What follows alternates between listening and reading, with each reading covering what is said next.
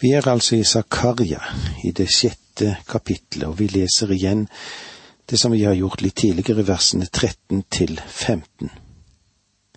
Ja, han skal bygge Herrens tempel. Han skal vinne ære og makt. På sin trone skal han sitte og herske. Ved hans trone skal de være én prest, og mellom dem skal det råde fred. Kronene skal være i Herrens tempel til minne om Helem, Tobia, Jedadja og Ken, Sefanjas sønn. Folk skal komme fra fjerne land og være med på å bygge Herrens tempel. Da skal dere sanne at Herren allers Gud har sendt meg til dere. Dette skal skje hvis dere adlyrer ordet fra Herren deres Gud. Jeg vil nå gjøre dere oppmerksom på den trefoldige meningen. Her er det vi kjenner som det første, da, den samtidige meningen. Og så har vi den andre, da, den kontinuerlige meningen. Og det tredje som er viktigst å ha med, den finale meningen. Den samtidige meningen eller betydningen er at Zakaria talte inn i en aktuell situasjon. Han vendte seg til folk i sin samtid angående deres problemer. Og han anmodet sterkt folk om ikke bli motløse, men å være klar over at det var en del av den evige plan. Ja, det var en hensikt fra Guds side. Det lille tempelet som de bygget var bare en forsmak på det store tempel Messias selv skulle bygge, når riket blir fullendt. Den kontinuerlige meninga, altså det andre som vi tok frem, er et budskap for vår tid. Du skjønner at alle hellige skrifter inngitt av Gud er også nyttige til å gi opplæring og tale til rette, som det står i 2. Timotius 3,16. Alt dette er et budskap til oss selv, om det ikke ble skrevet til oss. For eksempel har Gud ikke bedt oss om å reise et tempel, men han vil understreke at historien ikke bare er bygget på tilfeldigheter, men har en sammenheng, og at Gud har en plan, og Gud har en hensikt. Han beveger seg i historien òg i dag. Disse hendelsene som vi opplever i vår samtid, burde sannelig lære oss hvor hurtig Gud kan løfte opp et folk, og hvor hurtig han kan bøye det. Om du lytter til nyhetsmediene, kan du sannelig bli motløs. I tillegg til det kan det lett i vår medietid skje at vi blir hjernevasket.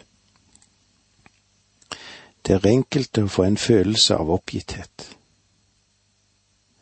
Men midt gjennom alt dette forvirrende er det også en røst, Guds røst, som taler som han gjorde det på Zakaria sin tid. Det han har å si, er verken vilt eller nedslående. Gud forteller oss at hans hensikt skal overleve, og Herren beveger seg i historien for å fullbyrde sin plan. Og så har vi da den tredje meningen, den finale meningen. Det siste av de trefoldige meningene ligger i den finale hensikt med alle ting. Historien strømmer gjennom profetens kanal. La meg gjenta det som står i det tolvte verset. Så sier Herren allers Gud, se det kommer en mann hans navn er Spire. Under ham skal det spire og gro. Han skal bygge Herrens tempel. Denne spire er ikke noe annet enn den Herre Jesus Kristus, et rotskudd av tørr jord som døde på et kors for oss. Men han kommer igjen for å herske. Den dagen skal Herrens spire være til pryd og ære, og landets frukt bli til stolthet og heder for dem som slapp unna i Israel, står det i Jesaja 4,2. Han skal være prest på sin trone. Og det å vite dette burde hjelpe oss til å få et perspektiv på historien. Kanskje det er en liten gruppe troende som møtes i en bakgate i et enkelt lokale. Men vet du hva, de møtes i Jesu Kristi navn, og de søker å gi ham ære. De gransker, de leser og studerer Hans ord, og de vil så gjerne gjøre Hans vilje. Denne lille gruppen kan være temmelig ukjent for verden, men de er kanskje viktigere når det gjelder Guds plan og Guds program, enn de som møter ved de store forhandlingssporene i verdens metropoler. Dette er vanskelig for mange mennesker å tro fordi verden ikke ser tingene fra Guds synsvinkel. Du forstår at denne lille troende flokk skal en gang slutte seg til det mektige kor i himmelen som skal synge for lammet. Verdig er du til å ta imot boken og åpne seilene på den. For du blir slaktet og har med ditt blod frikjøpt fra Gud mennesker av alle stammer og tungemål, av alle folk og nasjoner. Til et kongerike har du gjort dem til prester for vår Gud, og de skal herske på jorden. Det er det mål vi beveger oss imot. Verden kan overse det, og skarene kan gå forbi det, men den troende flokk er viktig i Guds plan og i Guds hensikt. Denne delen av Zakaria-boken skulle hjelpe oss til å se ting fra Guds utsiktspunkt og denne veldige delen av Skriften er fremdeles et budskap for oss alle sammen. Det er et budskap til deg, og det er et budskap til meg. Og det var så langt som vi hadde med oss ifra det sjette kapitlet. Når vi nå går inn i det sjuende kapitlet, så vil vi se her kanskje mer et historisk mellomspill. I kapitlene syv og åtte har vi det jeg har kalt det for, i alle fall, en historisk, et eller et historisk mellomspill. Og det er ganske parallelt med det som vi finner igjen hos profeten Haggai. Midt i den profetboken ble Haggai sendt til presten for å stille spørsmål angående en lov. En lov som gikk på renselse. Når det som er rent, rituelt sett rører ved det urene, ja, da vil det urene bli rent. Og svaret er at det vil ikke det. Og når det som er urent rører ved det som er rent, vil, det, vil da dette bli urent? Svaret ja, det vil det. I dette historiske mellomspillet her hos Zakaria møter vi de samme problemene, men sett fra en litt annen side. Vi vil oppleve å se straff, eller straffen for urettferdighet og grusomhet. Under fangenskapet feiret jødene fire høytider. Den i den tiende måneden minnet om da Jerusalem først ble omringet av fiendehærene. Den er i den fjerde måneden på den tiden da byen falt. Den femte måneden om da tempelet ble ødelagt ved ild. Den i den sjuende måneden sa om mordet på Gedalia. Folket var preget av dyp sorg og minnene om disse katastrofene. Det virket ikke rett å fortsette med dette når den hellige byen igjen reiser seg av støvet. I Babylon passet de på å synge klagesanger, men ikke nå. En deputasjon ble derfor sendt for å høre hva lederne mente om saken. Zakaria ga fire forskjellige svar på spørsmålene. Vi, vil komme inn på dette etter hvert som vi beveger oss inn i det syvende kapitlet her hos Zakaria.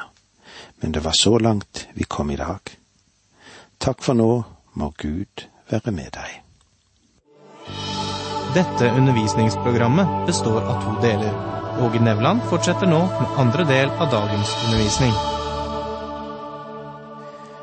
Vi er i profeten Zakaria, og vi er nå kommet til det syvende kapitlet.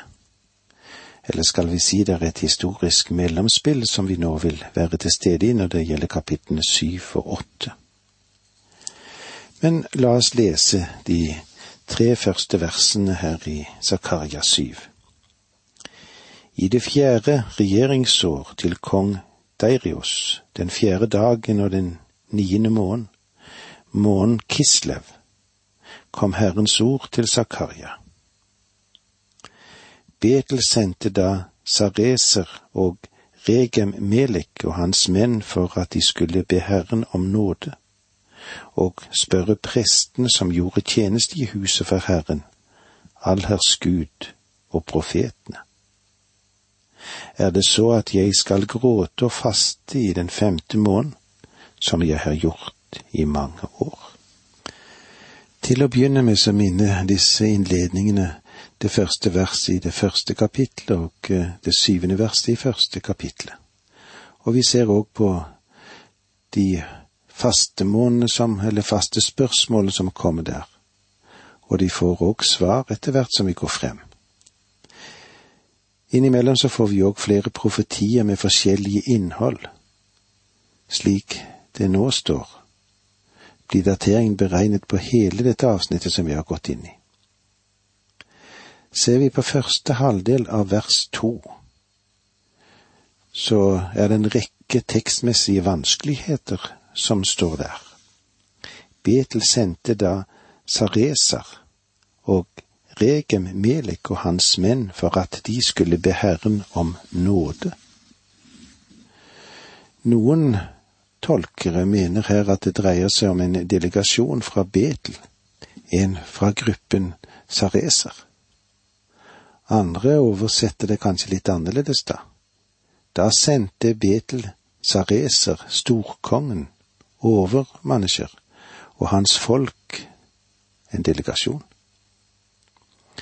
Både dette navnet og tittelen som allerede de eldste oversettelsene bevitner, peker hen til Babylon, ikke til en palestinsk eller et palestinsk område. Det er ikke sikkert at dette navnet har eh, en jøde i seg, eller en babyloner. I det første tilfellet er eksempelet på at en jøde kunne oppnå en høy stilling ved perserskongens hoff. Det er så. Men uh, det er andre som tyder på at det er, det, at det er babylonske proselytter til jødedommen. Hensikten med delegasjonen er for det første å bønnfalle Herren. Hva vil dette si, da? Jo, å avlede Herrens vrede fra Guds folke med bønn og offergaver til tempelet. For det andre skal denne delegasjonen søke råd i et bestemt spørsmål. Helt siden ødeleggelsen av tempelet har de i ødeleggelsesmåneden fastet i sorg til minne om dette. De mange år, det refererer seg til tiden som er gått siden 586. I spørsmålet som nå kommer frem, ligger noe av forventningen om at frelsestiden nå må være inne.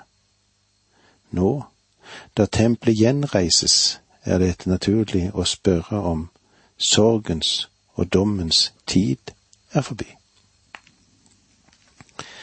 La oss igjen lese vers én. I det fjerde regjeringsåret til kong Darius, den fjerde dagen i den niende måneden, måneden Kislev, kom Herrens ord til Zakaria. Det sterke her er at Zakaria igjen får et budskap for sitt folk.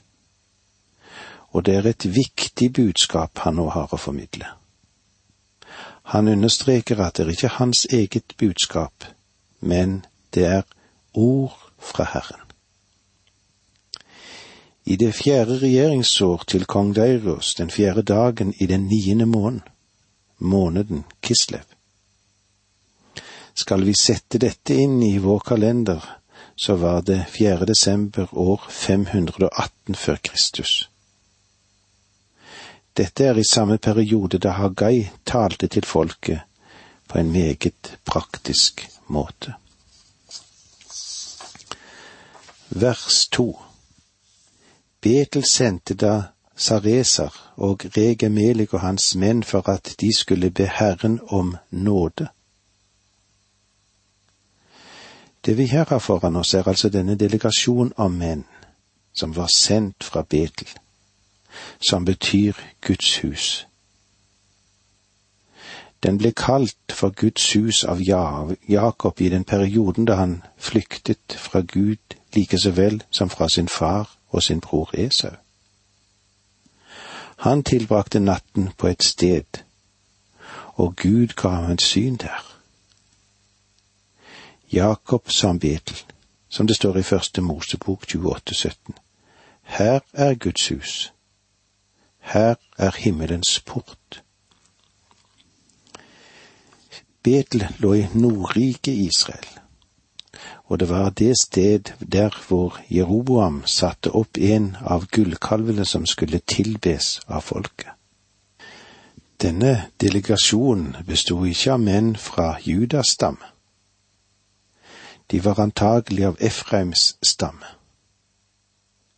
Det at denne gruppen kom fra Betel, forteller at folk fra de såkalte tapte stammene ikke var tapt i det hele tatt. Noen av dem levde i Betel.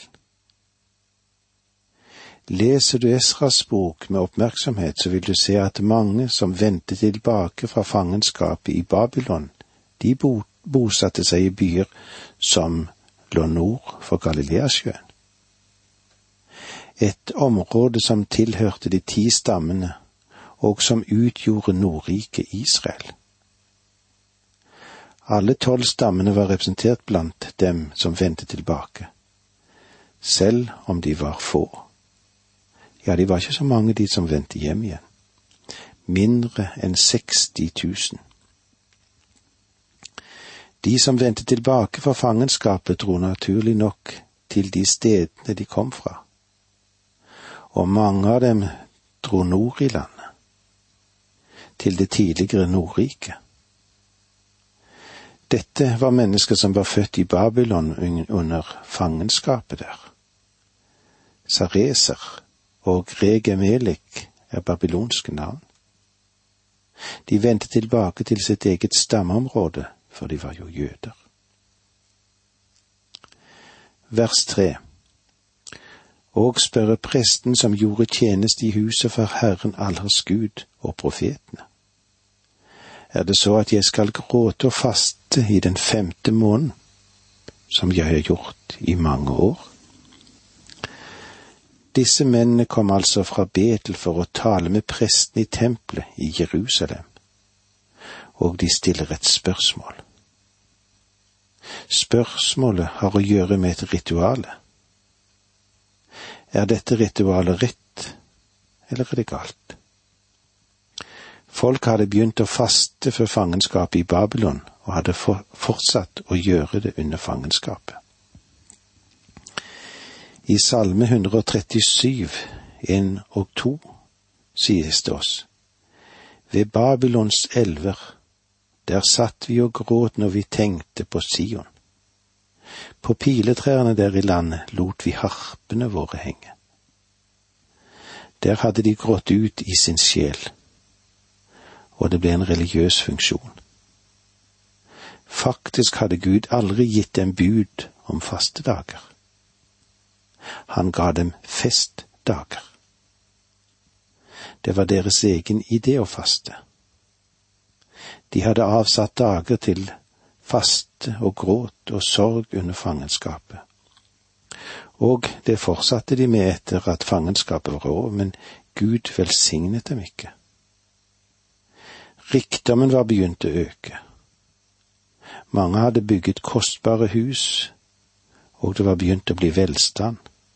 Ja, det var begynt å bli overflod.